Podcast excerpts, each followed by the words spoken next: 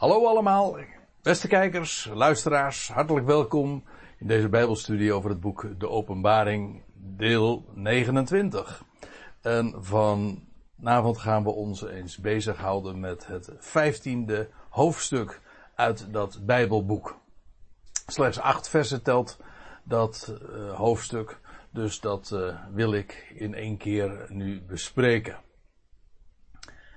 En zoals ik dat uh, gebruikelijk ben te doen, wil ik weer eventjes terugblikken op wat we tot dusver hebben gezien en vooral op het direct voorafgaande. We zagen in de bespreking van hoofdstuk 14 en hoofdstuk 15 en 14 uh, vormen een eenheid. En in die hoofdstukken uh, zien we eigenlijk een pauze beschreven na Israëls grote verdrukking. Die was beschreven in hoofdstuk 11, hoofdstuk 12, hoofdstuk 13. En in alle drie die hoofdstukken gaat het over die periode van 1260 dagen of 42 maanden of tijd, tijden, halve tijd. Oftewel een jaar, twee jaren, een half jaar. Drieënhalf jaar. Een hele bekende termijn die gemarkeerd wordt door uh, de, de grote verdrukking over het volk van Israël, het, specifiek het Joodse land, dat zal beginnen met het oprichten van een afgodsbeeld op het tempelplein, waarbij ook uh, meteen de, de offerdienst die uh, weer zal plaatsvinden, zal worden gestaakt. En er een afschuwelijke periode dan zal gaan aanbreken. Dat is Israëls grote verdrukking. En over die drieënhalf jaar, ja, daar wordt nogal het een en ander over gezegd. Wel nu, in hoofdstuk 11, 12 en 13 wordt dat beschreven. En in hoofdstuk 14 en 15 is die periode ten einde. En wat je dan leest, is dat Israël inmiddels tot haar bestemming is gekomen. Het komt overeen met uh, hoofdstuk 14 en 15, met het half uur stilte. Oftewel met uh, het, neem me niet kwalijk, met het zevende zegel, zoals dat beschreven wordt in hoofdstuk 7. En die, dat zevende zegel, dat was eigenlijk een inleiding op de zeven bazuinen. Wel, hier in hoofdstuk 14 en 15 is het ook een inleiding op zeven, op wat zeven engelen, zeven boodschappers gaan doen, maar dan heette het geen zeven bazuinen, maar dan heet het zeven schalen. Maar ik zal u laten zien, neem me niet kwalijk, dat dat uh, in werkelijkheid uh, synchroon loopt. Die schalen die, en die bazuinen, die hebben alles met elkaar te maken. Maar dat is een onderwerp waar we het bij een eerdere gelegenheid al over hebben gehad. En de volgende keer komt dat zeker ook nog eens uh, ter sprake. Dat kan niet missen. In hoofdstuk 14 en 15 is Israëls grote verdrukking voorbij. De Messias is verschenen te Sion. In hoofdstuk 14 vers 1 staat het zelfs min of meer letterlijk. Hè. Daar wordt het lam gezien. Uh, op de berg Sion. En daar ook 144.000 mannen, jonge mannen, die daar verzameld zijn en verzegeld zijn. En die erop uitgestuurd zullen worden om het evangelie van het koninkrijk te gaan verkondigen. Israël uh, is inmiddels verzameld uit alle volkeren. En dat, dat beschrijft ook en dat tekent ook de, de periode waarin we zijn aangeland. Namelijk die van een, inderdaad een pauze. Het is een fase waarin Israël nu tot haar bestemming is gekomen. En klaargemaakt wordt voor haar toekomstige taak. Maar meer nog, hoe uh, er een introductie plaatsvindt om uh, nu de volgende stap in, in de openbaring te gaan zetten. Namelijk, nu moet de rest van de wereld nog veroverd worden. Israël is nu uh, het eigendom. Nu is het, het, land is toegeëigend. Dat was eigenlijk ook het onderwerp van die zeven zegels, die, die boekrol. Het land is tot eigendom uh, verklaard en ook toegeëigend en daadwerkelijk in bezit genomen. En nu gaat het er vervolgens om dat heel de wereld zal worden onderworpen aan, de, aan Israëls Messias en hoe Israël uh, alle volkeren aan zich zal gaan uh, onderwerpen. Want in feite is dat koninkrijk van God, dat straks over de wereld gaat aanbreken, een Israëlitisch koninkrijk. Israël speelt daarin een hoofdrol. En vanuit dat land, vanuit de hoofdstad van dat land, zal heel de wereld worden geregeerd. Wel, de fase waarin is er, waar we nu zijn aangeland en die beschreven wordt in hoofdstuk 14 en 15 en overeenkomt dus met hoofdstuk 7, maar dat even terzijde. Die fase, uh, die wordt uh, hier beschreven en het is een, een intro voor wat nog gaat volgen, de finale uh, eigenlijk, ja, zo wordt het uh, min of meer ook uh, letterlijk genoemd, het laatste van Gods toren, God die gaat ingrijpen, hardhandig, en de wereld tot zijn eigen dom gaat maken en gaat onderwerpen aan het koninkrijk. En dat gaat niet zonder slag of stoot, integendeel, dat, dat is een buitengewoon heftig, ook een kortstondig proces, maar niettemin ook buitengewoon heftig. We zagen dat trouwens ook al uh, in de vorige bespreking bij de, het tweede gedeelte van uh, hoofdstuk 14. Ik wil dit nog een keer even laten zien.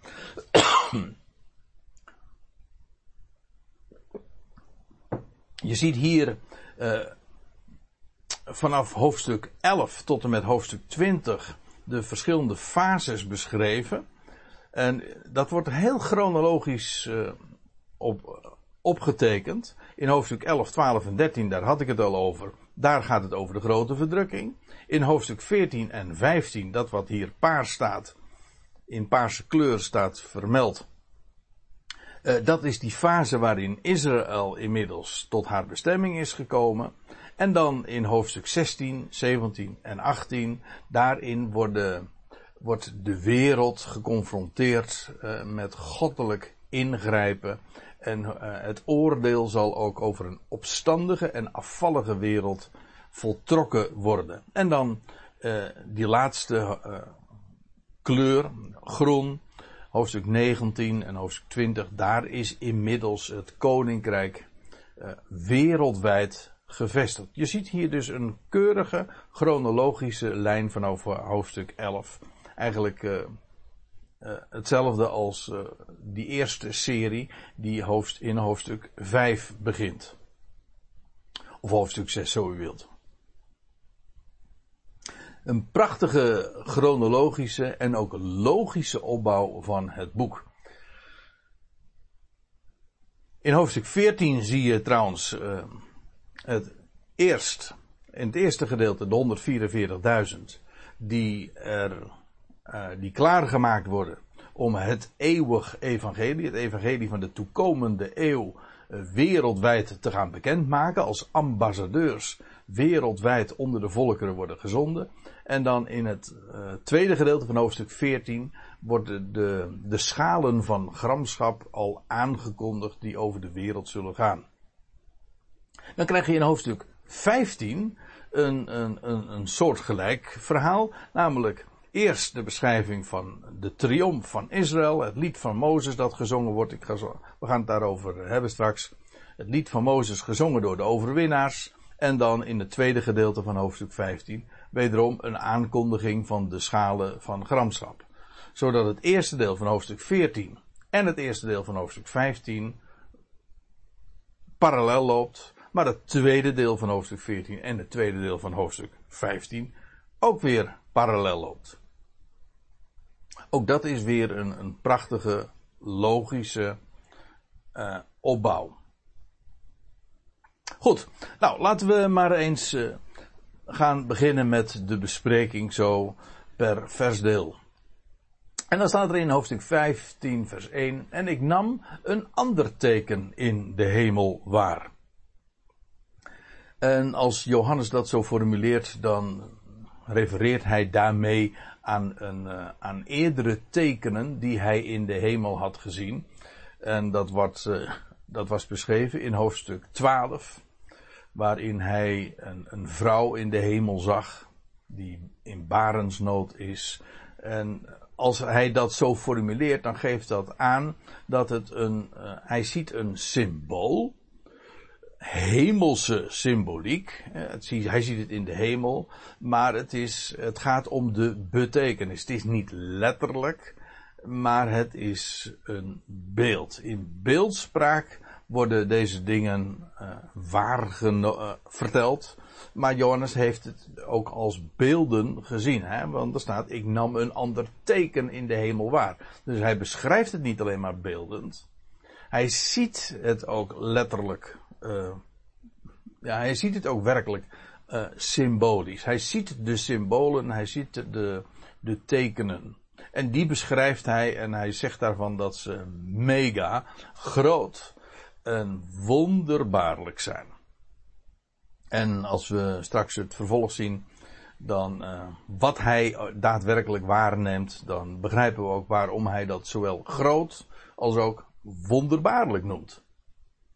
Hij ziet uh, zeven boodschappers, maar die kennen we. Ik zinspeelde daar in de inleiding al even op, want die zeven boodschappers, uh, die waren we al veel eerder tegengekomen en wel in hoofdstuk 8. Toen, na dat zevende zegel, na die, dat half uur stilte, de verzameling van Israël, dat is dan hoofdstuk 7. En dan lees je vervolgens dat uh, al na dat zevende zegel uh, krijg je de serie van bazuinen die worden geblazen. En die worden geblazen door, jawel, zeven engelen. Zeven boodschappers. En deze zijn identiek. En daarin zie je ook trouwens weer dat uh, openbaring twee keer een, een, een gelijksoortige serie in chronologische volgorde beschrijft. Hoofdstuk 5 tot en met 11 en hoofdstuk 11, die twee grijpen in elkaar, tot en met hoofdstuk, nou laten we zeggen hoofdstuk 20. Hij ziet zeven boodschappers en dat uh, moet ons er al meteen ook op attent maken dat deze boodschappers uh, identiek zijn aan en ook verwant zijn in hun uh, in dat wat zij gaan doen. want wat lezen we? deze zeven boodschappers die hebben de zeven laatste rampen. Nou, die zeven boodschappers in hoofdstuk 8, 9 en 10, met die bazuinen, dat wat daar beschreven wordt, is net zo goed een beschrijving van rampen die de wereld gaan treffen. En ik zei al, de volgende de keer, en we hebben het er al eerder ook over gehad, maar het moet nog eens eventjes heel duidelijk gemaakt worden. Want het is buitengewoon belangrijk voor het verstaan van het boek De Openbaring dat die zeven bezuinen en die zeven schalen alles met elkaar uh, te maken hebben en synchroon lopen. En de bazuinen die gaan uh, over de wereld, over de volkerenwereld. Waarbij ik moet zeggen dat, en dat is wel een, een verschil. Kijk, aan de ene kant de zeven bezuinen komen overeen met de zeven schalen. Eh, in beide gevallen zijn het ook de zeven boodschappers, hemelse boodschappers, die daarin acteren. Maar met die verstande, de, de schalen beschrijven de finale, de laatste fasen daarvan. Ook dat komt nog later aan de orde, maar ik uh, hecht eraan om dat hier al eventjes te zeggen. Juist omdat hier ook benadrukt wordt dat het inderdaad over een finale gaat. Over, een, over, een, over het laatste, over de voltooiing, zoals de volgende zinsdeel dat uh, noemt. Het, uh, de bezuinen zijn een soort aankondiging en, en de, de zeven schalen is, een, het, is de completering ervan. Dat wat het laatste daarvan is. En eh, ik moet er ook bij zeggen, in feite is dat ook het heftigst. De zeven laatste eh, rampen, die, eh, die moeten nu nog gaan volgen. Terwijl dus Israël, ik, ik, zeg het nog maar eens een keer. Terwijl Israël inmiddels in het land is. De Messias is, heeft zijn plaats ingenomen in Sion, maar de volkerwereld moet nog worden onderworpen. En daar gaan die zeven laatste rampen over. En dat blijkt ook hier wel, want het zijn die laatste rampen en, uh, waarin de toren van God wordt voltooid. Ook hier zie je weer, het heeft te maken iets met uh, een finale, met een sluitstuk, zoals het wordt afgesloten. Gods toren en de heftigheid waarmee hij nu reageert op de opstand, de rebellie en het, en het verzet van de volkerenwereld. Wel, uh, God tolereert dat niet en hij maakt daar korte metten mee. En dat is wat uh, hier wordt, wordt aangekondigd. En staat er dan in vers 2, en ik nam waar iets als een glazen zee, vermengd met vuur. Ik zei al, en dat stond in vers 1, het is beeldspraak, wat we hier zien. En uh, de glazen zee, dat uh, verwijst hier, en dat zal, als we straks doorlezen in vers 3, wordt het helemaal duidelijk, verwijst al naar de, uh, of verwijst naar de, naar de Rode Zee, waar Israël ooit doorheen was getrokken op een wonderbaarlijke wijze. God had hen had een weg gebaand door de zee. Israël was verlost en ze was aan de andere kant gearriveerd. Maar tegelijkertijd was het voor Israël uh, verlossing, terwijl het voor Egypte en Farao met zijn legers juist een oordeel betekende. Wel, dat fenomeen, daar hebben we hier in hoofdstuk 14 en 15 ook mee te maken de verlossing van Israël en het oordeel over de volkeren. En dat blijkt eigenlijk ook wel uit de, uit de formulering, want het is een glazen zee. Het heeft iets met, met dat glas, dat lijkt me duidelijk. Uh, het heeft ook te maken met de doorzichtigheid, wat, wat uh, God laat zien wat er door die oordelen heen gebeurt. Wel, maar het is ook vermengd met vuur en dat is dus weer dat dat wat te maken heeft met, ja, met vernietiging, maar ook met zuivering. Neem me niet kwalijk. En de overwinnaars van het beest. Ja, ik moet even de hele zin dan nog een keer lezen. En ik nam waar iets als een glazen zee vermengd met vuur. En de overwinnaars van het beest. En van zijn beeld. En van het getal van zijn naam. Aha. Hier zie je trouwens ook in weer dat uh, die periode nu ten einde was, uh, is gekomen. Dat was hoofdstuk 13 waarin dat beschreven was van dat beest. En dat beeld dat uh, van hem geplaatst zal worden in Jeruzalem. En ook het getal van zijn naam 666. En, en, en degene die daar niet aan mee zullen doen met die hele cultus. Wel, die, die zullen of uh, het in een vreselijke verdrukking overleven. En een ander deel uh, dat zal omkomen. Maar, ik moet erbij zeggen, de Israëlieten die in die tijd zullen omkomen, die zullen na de verdrukking worden opgewekt. Trouwens, niet alleen zij, maar al, Israëls eh, de rechtvaardigen zullen deel hebben aan die opstanding. Het boek Daniel, het slot van het boek Daniel gaat daarover. En, en daar wordt dat uh, zelfs op de dag nauwkeurig beschreven wanneer dat zal zijn. Namelijk op de 1335ste dag. Moet je realiseren, er is sprake van 1260 dagen. Gerekend vanaf het moment dat het afgodsbeeld op de tempelplein geplaatst wordt. 1260 dagen verdrukking. En nog eens 75 dagen later uh, zal uh, er sprake zijn van een opstanding. Dus uh, ruim twee maanden later uh, zullen Israëls rechtvaardigen, maar ook degenen die omgekomen zijn in die periode van verdrukking, zullen dan worden opgewekt. Ik weet het. Het is, ja, wat ik nu zeg, het klinkt uh, zo futuristisch, uh, wonderbaarlijk, maar dat is precies ook zoals hoofdstuk 1 begon, nietwaar? Ik zag een, een teken, groots en wonderbaarlijk, wel, dat is inderdaad wat hier aan de orde is. En en degene die, die de, dat, dat rijk van de, het beest, van die wereldleider, en de hele cultus, de afgodendienst, zij die dat zullen weerstaan en uh, zich uh, trouw zullen zijn aan, aan het woord van God en aan het getuigenis van Israëls Messias, uh, zij zijn de overwinnaars. En hier worden ze gezien. En dat betekent dus dat we inmiddels, dat dat Israëls rechtvaardigen, ook zij die omgekomen zijn, zijn opgewekt.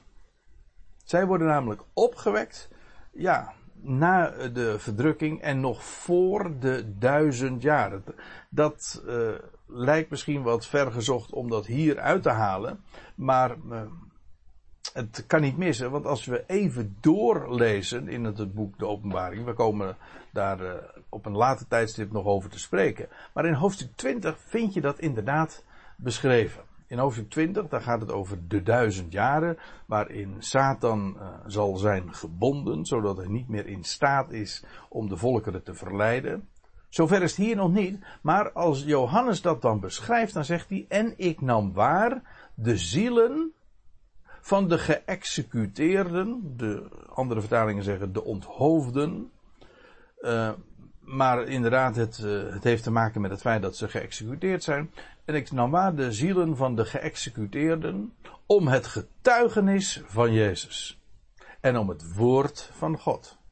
En wat is de consequentie daarvan? Wel, en die het beest, nog het beeld van hem hebben aanbeden.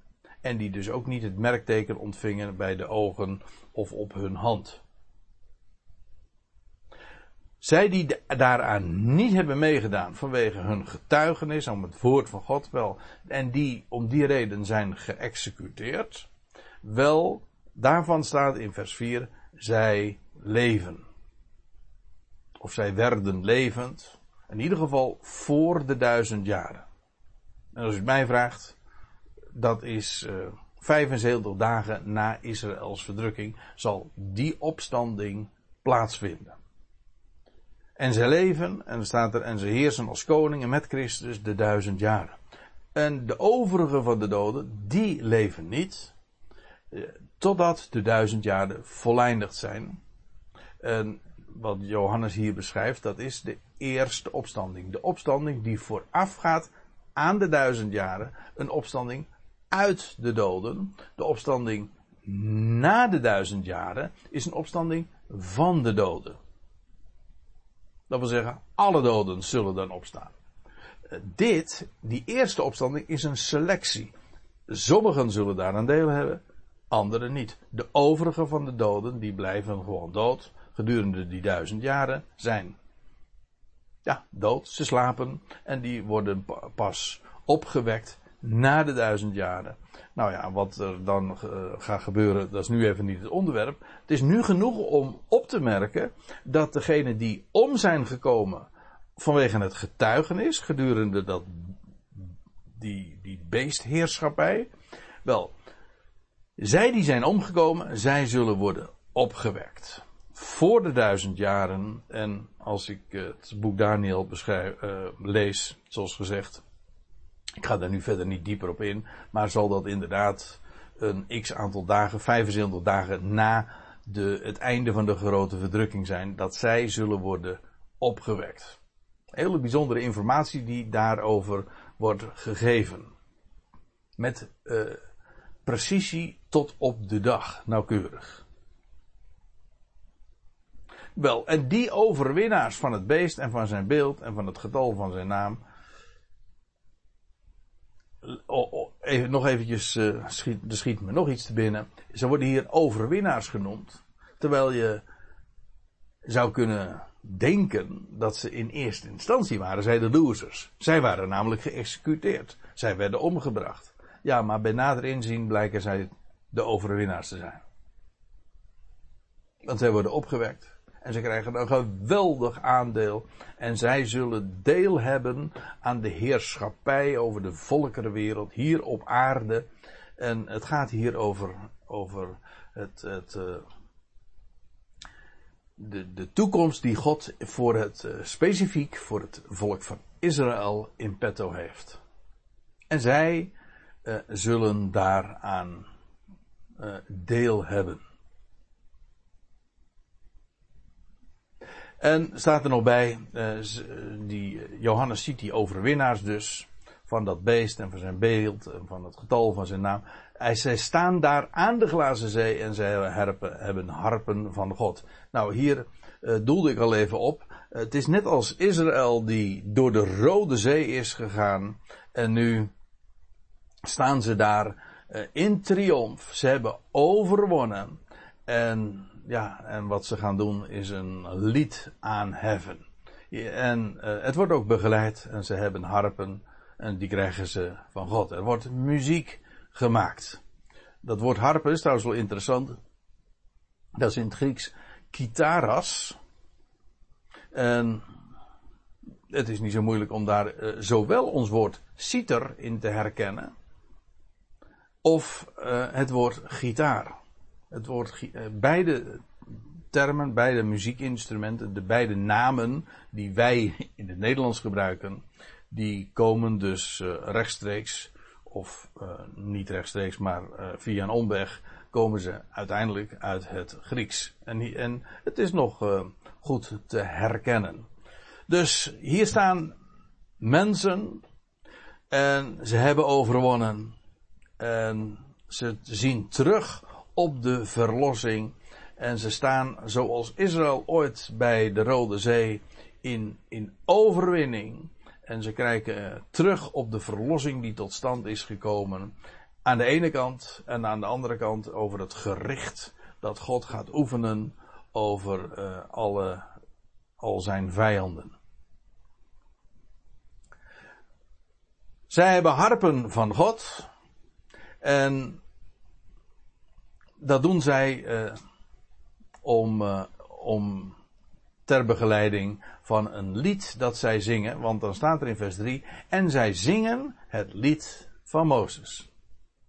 De slaaf van God. Aha. En nou begrijp je dus helemaal het, uh, de beeldspraak. De, het teken met de betekenis. Namelijk, hier is, hier worden we herinnerd aan Mozes die ooit een lied zong, want dat lezen we in Exodus 15, nadat Israël dus verlost was, aan de andere kant van de zee.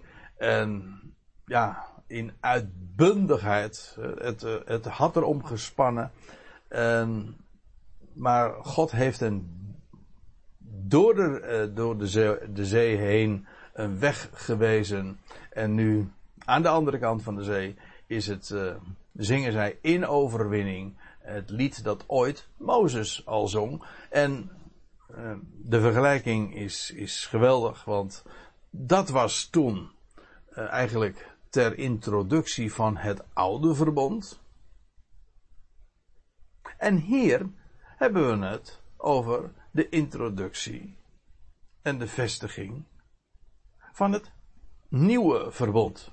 Zodat de parallellen zich uh, nogal opzichtig opstapelen.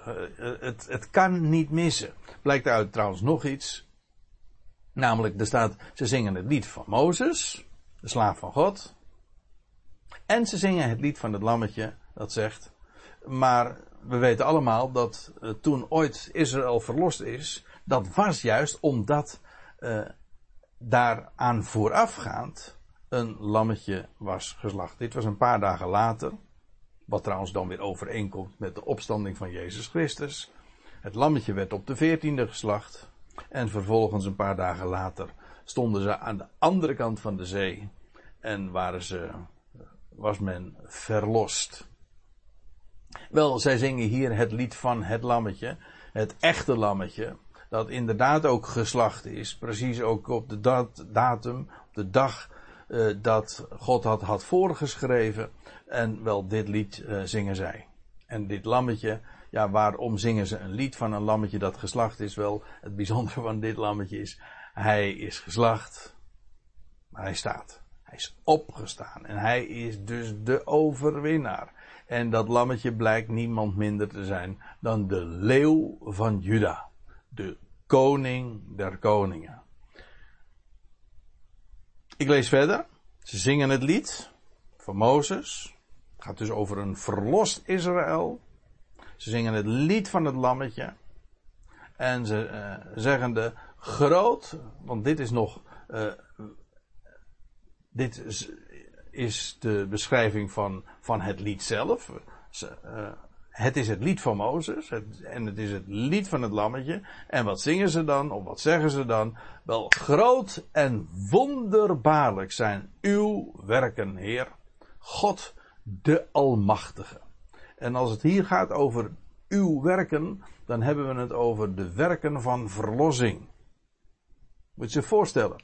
Israëls grote verdrukking is voorbij. En, en God uh, heeft ingegrepen. De Messias is verschenen op de Olijfberg. En er is een vluchtweg gecreëerd. Men is naar de woestijn gegaan. Het volk is daar bijeengebracht. Dat is uh, nog een, dat, daar, zijn zoveel details in de, in de, bij Israëls profeten die daar ook over spreken. En dan vervolgens gaat men optrekken vanuit de woestijn naar het land. En het verwoeste land wordt weer hersteld en herbouwd. Dat gaat natuurlijk ook niet allemaal op een uh, late namiddag uh, voltrokken worden. Maar uh, moet je zich voorstellen wat daar allemaal hier direct aan vooraf gegaan is. de opstanding van Israëls rechtvaardigen. Hoe groot en wonderbaarlijk zijn uw werken. Dat is geen dichterlijke overdrijving. Dat is een, ja, een zo'n trefzekere beschrijving van wat hier nu aan de orde is. Namelijk de Heer, God, die zich als de Almachtige uh, betoont. Groot en wonderen werkend. En ja, dat is wat er allemaal gaat gebeuren wanneer, wanneer hij openbaar gaat worden. Zoals hij zich nu verbergt en niets laat zien, zal hij straks openbaar en onmiskenbaar ook worden in dat wat hij gaat doen en gaat werken. Daar hebben we nu geen idee van. Al duizend jaren leven we in een tijd waarin de Heer zich verbergt. Maar wat gaat er gebeuren wanneer hij openbaar gaat worden? Wel dit. Dat zal groot en wonderbaarlijk zijn. En dan gaat hij inderdaad uh, zijn werken betonen. En ook laten zien dat hij almachtig is. En dat er niets is wat, uh, wat zich, uh, wat buiten zijn vermogen valt. Rechtvaardig en waarachtig wordt er dan vervolgens in dat lied gezegd. Rechtvaardig en waarachtig. Rechtvaardig wil zeggen, het is billijk, het is recht, het is in overeenstemming met wat gezegd en geschreven is. En waarachtig, het is eerlijk, het is zuiver. Conform de waarheid. Rechtvaardig en waarachtig zijn uw wegen. En let op, de koning van natieën. En, of de koning van de natieën. Dat is, uh, dat moet ik nog even corrigeren. Want het is inderdaad, hij is de koning van de natieën. En dat is de hoedanigheid waarin de Heer zich hier ook manifesteert. Israël is verlost. En nu gaat het, het volgende programma onderdeel uh, van start. Het, het finale stuk, namelijk heel de volkerenwereld gaat onderworpen worden. En dat, dat gaat.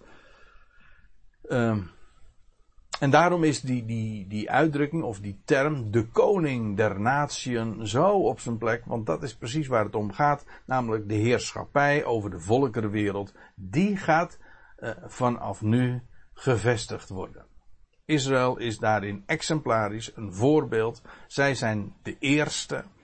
En vanuit dat land, vanuit dat volk zal het vervolgens over de hele wereld zich uh, datzelfde proces gaan voltrekken, namelijk dat het onderworpen wordt en deel uit gaat maken van het koninkrijk. Dan staat er in vers 4, wie zou niet vrezen, Heer, en verheerlijken uw naam? Dat is dus eh, nog steeds de inhoud van dat lied. uh, dat is niet alleen een overwinningslied, een lied van triomf, maar het is ook een lied waarin in ontzag doorklinkt. Hoe ontzagwekkend is hij? Wie zou niet vrezen en, en in, in, zijn heerlijkheid in het licht stellen? Dat is wat verheerlijk is.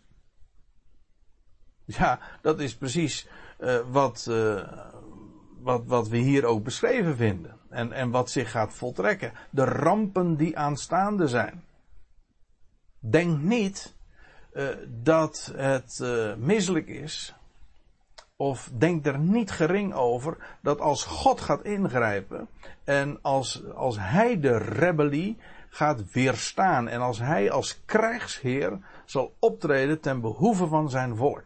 En, en, en, en zijn volk gaat geven waar, wat Hij hen heeft beloofd. Namelijk dat, uh, dat zij leidend zouden zijn in, in zijn koninkrijk. En willen de volkeren dat niet? Wel, dan uh, willen ze dat niet horen.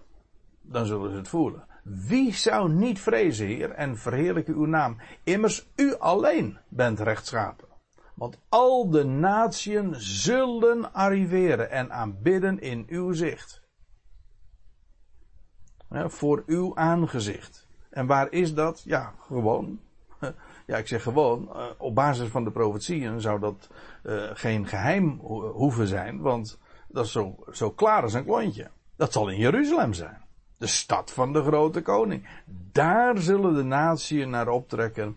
En je wordt, dat wordt op talloze plaatsen beschreven. Ik geef hier een paar voorbeelden.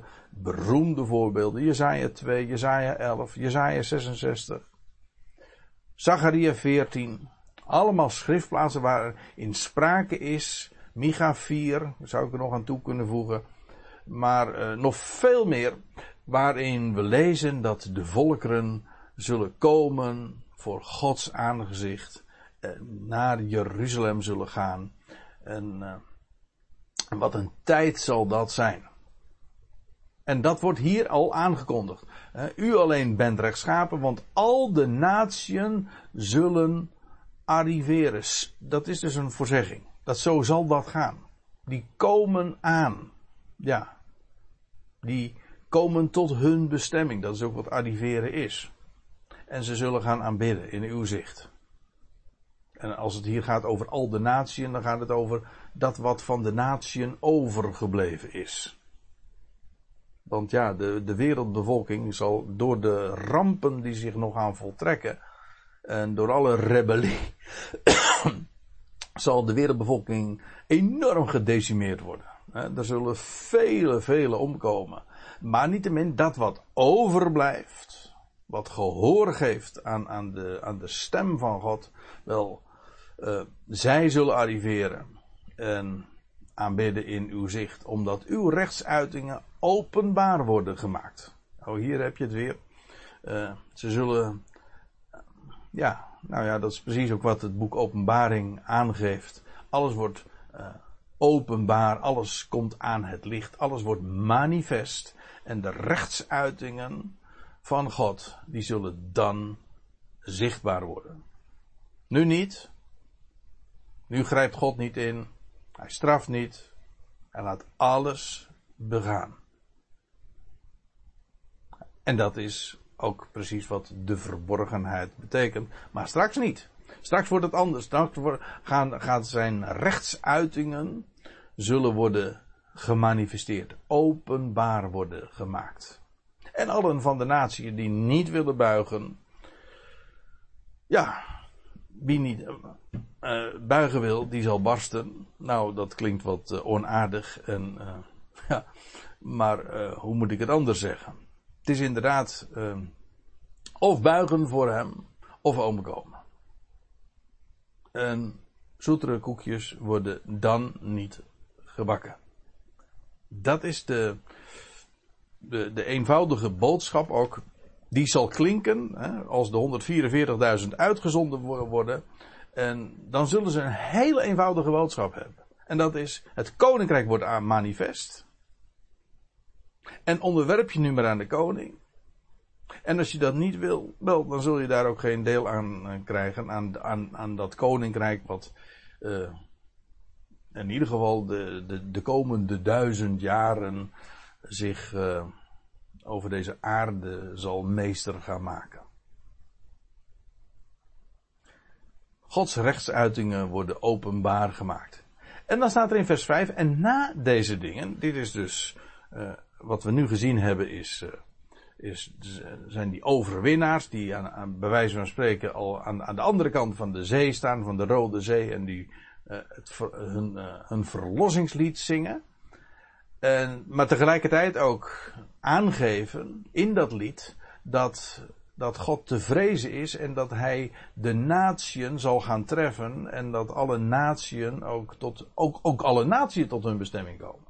Nou, als dat uh, lied gezongen is en beschreven is, dan staat er in vers 5, en na deze dingen nam ik waar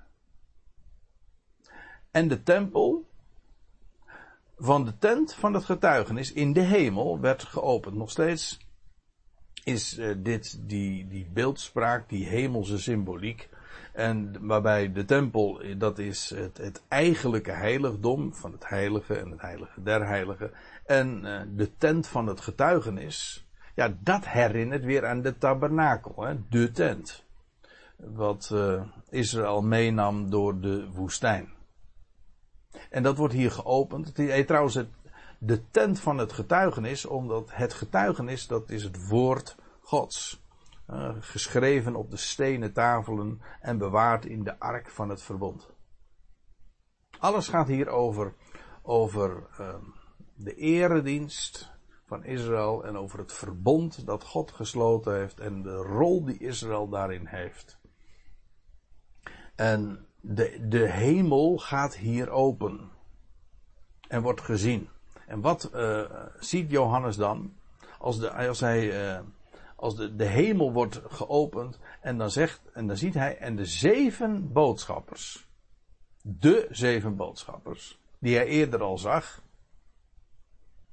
ja, in dit hoofdstuk, maar ook in hoofdstuk 8 al, met die zeven bazuinen, en de zeven boodschappers, die de zeven rampen hebben, gingen uit de hemel. Dat is heel boeiend. En en dat is uh, typerend ook voor, het, voor de komende versen, die zeven boodschappers, die vervullen een priesterlijke functie. Feitelijk, de zeven geeft ook aan dat het een volheid is, maar ze hebben een boodschap, maar feitelijk uh, beelden ze ook uit wat de hoge priester doet. Namelijk uit het heiligdom komen en wat ze doen, ja, is uh, ramp, ze hebben rampen bij zich en die gaan ze ook voltrekken. Maar het is een hemels gezicht. Het is een hemelse werk wat zij ook doen. En priesterlijk werk ook. La, laat ik even nog doorlezen. Want in de rest van dit vers, uh, daarin worden we bevestigd dat het inderdaad om een, om een priesterlijk, of misschien moet ik zelf zeggen, hoge priesterlijk werk wat zij doen. En zij waren bekleed met rein en schitterend, jawel, linnen. Zoals priesters, maar ook de hoge priester gekleed was in linnen. En er staat nog bij, en de borst omgord met een gouden gordel.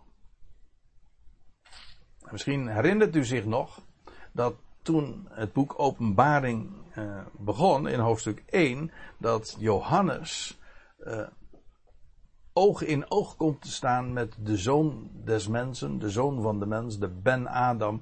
En dan lees je ook dat zijn borst omgord is met een gouden gordel. Met, zodat uh, eigenlijk wat hier getoond wordt, is die zeven boodschappers die, ehm, die hebben de attributen van de hoge priester, van de zoon van de mens.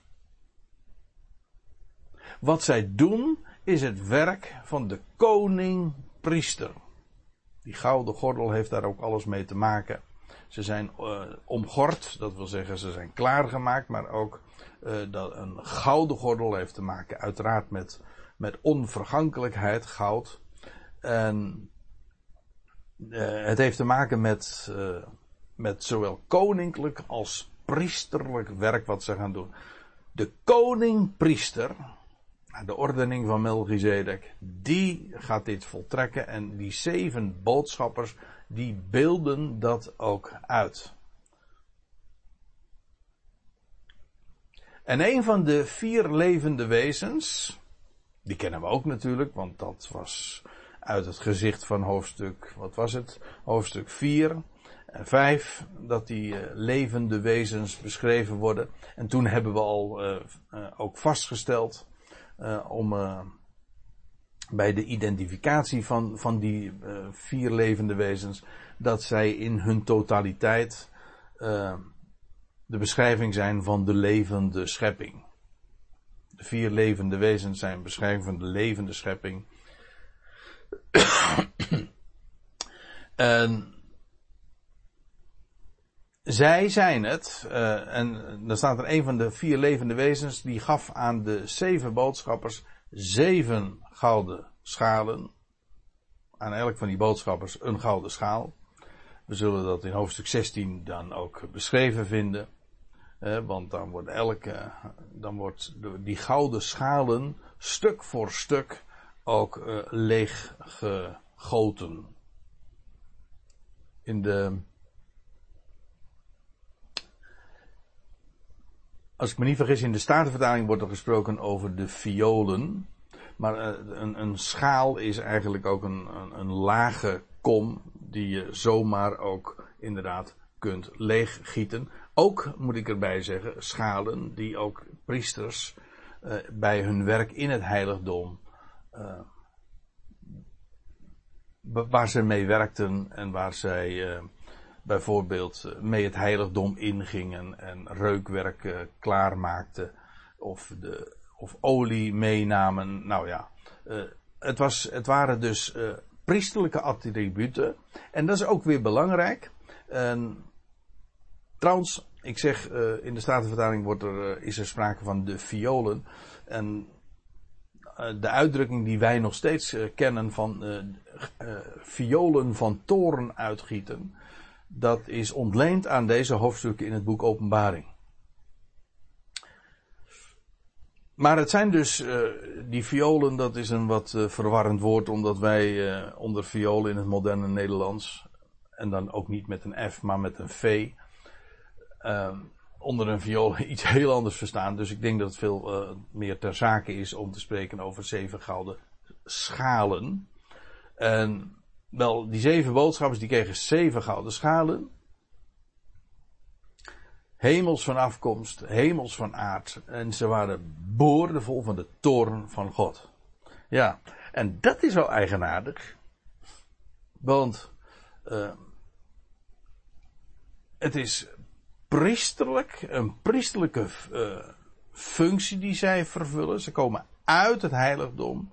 En ze hebben uh, priesterlijke attributen. Ze zien er priesterlijk uit. Ze herinneren ook aan de zoon van de mens. Uh, maar het is, die schalen zijn bomvol, boordevol uh, van Gods toorn. Dat is wat benadrukt wordt. God gaat ingrijpen en hoezo toorn wel uh, vanwege de rebellie, vanwege het ongeloof, vanwege het verzet tegen zijn plannen. Nou, dan moet je niet op dat moment bij God mee aankomen. Want, uh, nou, dat is dus wat er gaat gebeuren. Want God maakt daar uh, hele korte metten mee.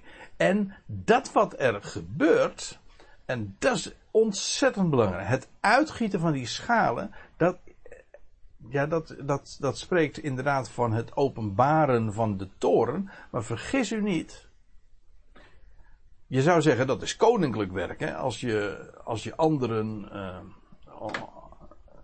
bekend maakt en, en toren manifesteert en, en anderen onderwerpt. Je zou zeggen dat is een koninklijke bezigheid. Dat is zo, maar hier wordt het beschreven als priestelijk werk. En het idee daarachter is dat die schalen en die hemelse boodschappers die uit, als uit de tempel komen, die brengen de wereld weer terug bij God. Met harde hand, heftig, dat is waar. Maar het is, en dat is de functie, het is om die wereld terug te brengen bij God. En in feite komt op die, die zeven boodschappers, die zeven, boods, en die zeven gouden schalen, maar ook de, het is op de zevende dag, de Sabbatdag. Nu eh, komt God met deze wereld tot zijn uh, bestemming. En hij brengt de wereld tot zijn bestemming. De wereld wordt teruggebracht tot God. Zodat dit niet alleen maar rampen zijn. Dat is de ene kant. Dat is de aardse kant. Maar als je het van de hemelse kant bekijkt, is het priestelijk werk. En is dit um, tot eer van God. Dat staat er ook in vers, uh, vers 8. En de tempel werd boordevol gemaakt met rook vanuit de heerlijkheid van God. En vanuit zijn kracht. Dus aan de ene kant is het uh, toren van God. Toren van hem die leeft tot in de ionen van de ionen. Dat zijn dus die, die overtreffende ionen, die wereldtijdperken die nog gaan komen. Wel, met het oog daarop wordt die toren van God ook geopenbaard. Jawel, maar degene, die periode, de, de, de ionen van de ionen, uh, daarin zal de heerlijkheid van God worden geopenbaard. En alles dient, dat wat nu voltrokken gaat worden, die toren van God en die schalen die leeggegoten worden, het is priestelijk werk. En vanuit de hemelsperspectief zijn het geen rampen, maar is het de heerlijkheid van God die wordt uh, geopenbaard. Puur de heerlijkheid van God en vanuit zijn kracht. En dan staat er nog bij, en niemand kon de tempel binnenkomen voordat de zeven rampen van de zeven boodschappers voltooid zijn. En daarmee sluit hoofdstuk 15 dan ook af. Het idee is, uh, dit is een, een operatie vanuit het heiligdom. Nogmaals, op aardsniveau bezien zijn het rampen. Vanuit hemels perspectief is het een, een, een hemelse uh, operatie, een hemels ingrijpen, dat te maken heeft met het onthullen van Gods heerlijkheid. Dus zodat je, als je het alleen maar vanuit aards perspectief bekijkt, dan zie je niet het, hele plaatje. En daarom vind ik het zo prachtig om dat hier bijvoorbeeld ook in hoofdstuk 15 beschreven te vinden. En dan wordt ons een kijkje ver, vergund uh, in, in de hemel. En dan zie je wat er eigenlijk aan de hand is. Namelijk dat wat er, uh, er gaat plaatsvinden op aarde, dat komt rechtstreeks vanuit de hemel en vanuit Gods heerlijkheid. En dat zal uh, wis en waarachtig, maar ook in snelheid worden voltrokken. Maar ook zonder onderbreking. En tot die tijd kan niemand de tempel binnenkomen, want nu gaat het erom, uh, omspannen, nu gaat het gebeuren. de wereld wordt het eigendom van de enige rechthebber. Wel, dat wordt hier aangekondigd in hoofdstuk 15. En ja, als we door zouden lezen, dan kom je in hoofdstuk 16, vers 1. En dat gaan we volgende keer dan doen. En dan wordt beschreven uh, wat die verschillende schalen, die zeven schalen, gewoon respectievelijk in volgorden uh, allemaal uh, behelzen. En dan zullen we dus ook wederom gaan zien, waar ik nou al een paar keer aan gerefereerd heb, is dat die, die zeven schalen dus overeenkomen met de zeven bazuinen waar we het al eerder over hadden. Maar alles dient er dus toe, en dat wil ik eigenlijk samenvattend daar nog over zeggen. Alles dient ertoe om de wereld, de volkerenwereld, te onderwerpen aan het koninkrijk van Jezus Christus. En dat gaat gebeuren. En dat, zonder onderbreking. Vandaar ook dat hier dat zo uitdrukkelijk bij staat. Niemand kon de tempel binnenkomen voordat de zeven rampen van de zeven boodschappers voltooid zijn. Eerst moet dat af zijn. Dat moet gaan, uh, ga, gaan uh, gebeuren. En pas dan, ja, pas dan is, is Gods plan met deze wereld inderdaad tot voltooiing gekomen. Nou, daar wilde ik het uh, voor deze keer maar bij laten. En een volgende keer gaan we, zoals gezegd, dan verder met hoofdstuk 16. Ik zou zeggen, hartelijk dank voor jullie aandacht en tot een volgende keer en God zegen allemaal.